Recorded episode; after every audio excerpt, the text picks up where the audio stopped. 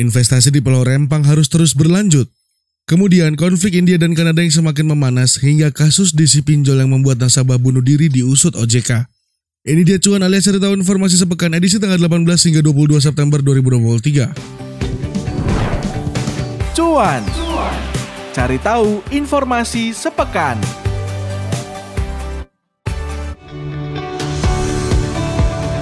Pemerintah melakukan rapat terkait penyelesaian masalah konflik di Pulau Rempang, Batam, Kepulauan Riau. Dalam rapat itu, Menteri Investasi Bahlil Lahadalia mengatakan konflik di wilayah Pulau Rempang diduga terjadi lantaran ada campur tangan oknum pengusaha di Rempang.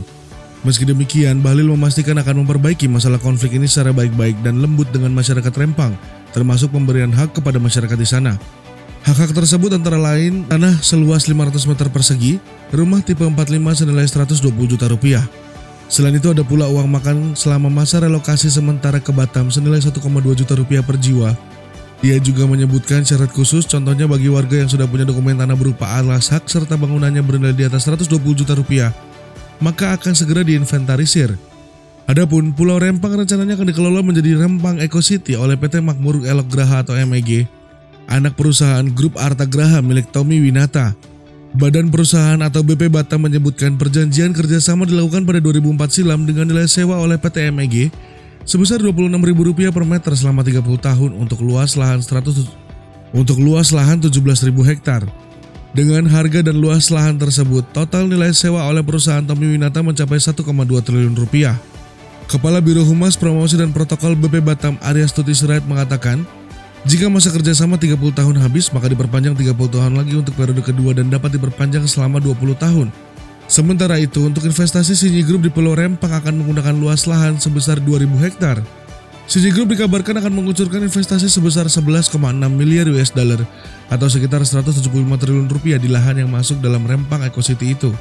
Pemerintah pun ngotot investasi produsen kaca solar panel asal China Sinyi Group tetap harus berjalan di Pulau Rempang, Batam, Kepulauan Riau Salah satu langkah yang dilakukan pemerintah agar investasi tersebut tetap berjalan adalah meredam konflik di Pulau Rempang dan menyelesaikan masalah relokasi secara baik-baik.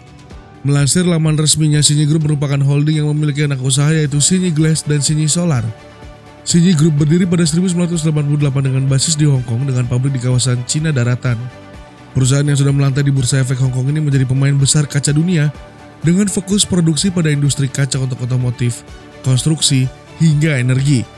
Di Pulau Rempang, Sinji Group menggelontorkan dana mencapai 175 triliun rupiah. Perjanjian investasi tahap awal tersebut dilakukan saat Presiden Joko Widodo berkunjung ke Chengdu, China pada 28 Juli 2023 silam. Lanjut berita kedua, Kanada dan India tengah bersih tegang. Keduanya saling mengusir diplomat di negara masing-masing. Kejadian ini bermula dari kasus pembunuhan yang terjadi di Kanada dengan korban seorang tokoh dari komunitas Sikh di Kanada yang bernama Sikh Nijar Pihak Kanada meyakini bahwa pembunuhan tersebut dilakukan oleh diplomat dan juga intelijen dari India.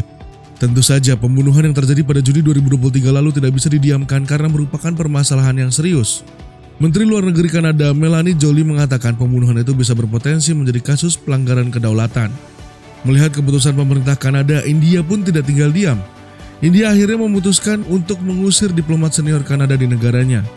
Pemerintahan India mengatakan sebelum kasus tersebut terpecahkan, pihak India akan menolak semua tuduhan yang diterima negaranya. India menyebut Modi telah menyampaikan keluhan itu kepada Trudeau kala bertemu di sela-sela KTT G20. Modi prihatin atas penanganan Kanada terhadap gerakan kemerdekaan Punjab di kalangan Sikh atau kalangan diaspora India di sana. Pernyataan itu juga menyebut gerakan Sikh sebagai pendukung kemerdekaan dan penghasut kekerasan terhadap para diplomat India di Kanada. Kementerian Luar Negeri India meminta Kanada bekerja sama dengan India untuk menghadapi apa yang dinyatakan New Delhi sebagai ancaman terhadap diaspora India di Kanada. Perseteruan antara India dan Kanada pun semakin memanas setelah saling mengusir diplomat. Kali ini pengajuan visa pun dipersulit. Hingga Kamis 21 September 2023 Kementerian Luar Negeri India menghentikan layanan visa bagi warga negara Kanada. Penghentian layanan itu dapat dilihat dari pengumuman di laman resmi BLS Internasional yang menjadi portal resmi untuk pengajuan visa ke India. Melansir Reuters, kementerian tersebut membeberkan alasan penghentian layanan ini karena adanya ancaman terhadap staf konsulatnya di Kanada melalui sosial media. Selain India, sejumlah diplomat Kanada yang berada di India juga turut menerima sejumlah ancaman di jejaring sosial. Akibat banyaknya ancaman itu, Komisi Tinggi Kanada berencana melakukan pengurangan jumlah diplomatnya yang ada di India. Adapun kedua negara ini bergejolak akibat kasus pembunuhan yang dilakukan terhadap komunitas salah satu tokoh komunitas Sikh di Kanada. Berita ketiga atau berita terakhir, Pinjaman online atau pinjol menjadi pisau bermata dua di masyarakat. Ada yang terbantu, ada juga yang terlilit. Beberapa waktu lalu, ada kasus bunuh diri yang diduga akibat menerima banyak tekanan dari pihak penagihan pinjol.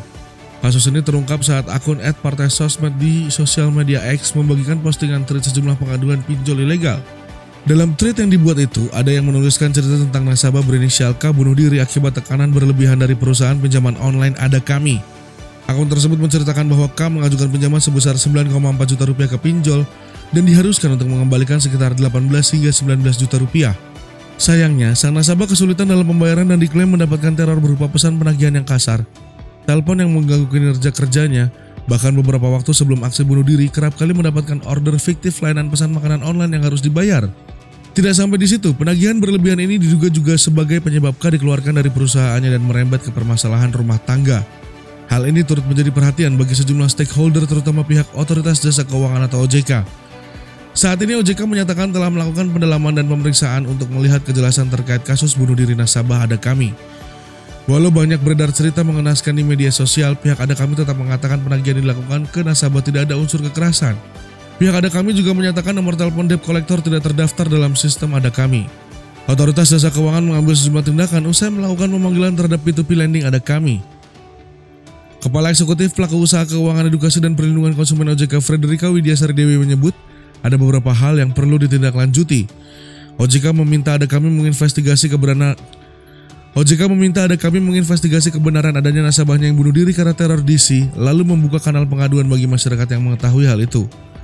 Selain itu, OJK juga meminta ada kami untuk menginvestigasi marketplace atau e-commerce yang digunakan oleh DC untuk melakukan order fiktif dalam teror ke nasabah dan segera melaporkan ke OJK. OJK menegaskan lagi bahwa bunga pinjaman maksimal sebesar 0,4% per hari dan sudah termasuk biaya layanan. Untuk itu, OJK pun meminta Asosiasi Fintech Perdanaan Bersama Indonesia atau AFPI menelaah hal tersebut dan memastikan anggotanya mematuhi kode etik. Adapun OJK pun mengimbau kepada masyarakat agar dapat mengadukan jika menemukan penagihan yang dilakukan secara tidak baik oleh pihak pinjol. Masyarakat pun diharapkan bijak dalam Masyarakat pun diharapkan bijak dalam peminjaman di P2P lending dan meminjam sesuai kemampuan bayar serta kebutuhan. Oke deh sobat bisnis itu dia cuan alias cari tahu informasi sepekan edisi tanggal 18 hingga 22 September 2023. Jangan lupa dengerin terus broadcast podcast bisnis Indonesia yang bisa sobat bisnis dengarkan via platform podcast kesayangan Anda Google Podcast, Apple Podcast, Spotify, dan juga bisa follow lewat platform podcast kesayangan Anda juga ya. Jangan lupa buat follow Instagram broadcast at broad.cast untuk tahu info-info menarik lainnya dan buat sobat bisnis yang pengen nonton versi video dari podcast ini bisa langsung cek di YouTube channel Bisniscom. Di sana juga ada video-video menarik lainnya dan jangan lupa juga buat subscribe YouTube channel Bisniscom. Saya Ganang Adrian, see ya!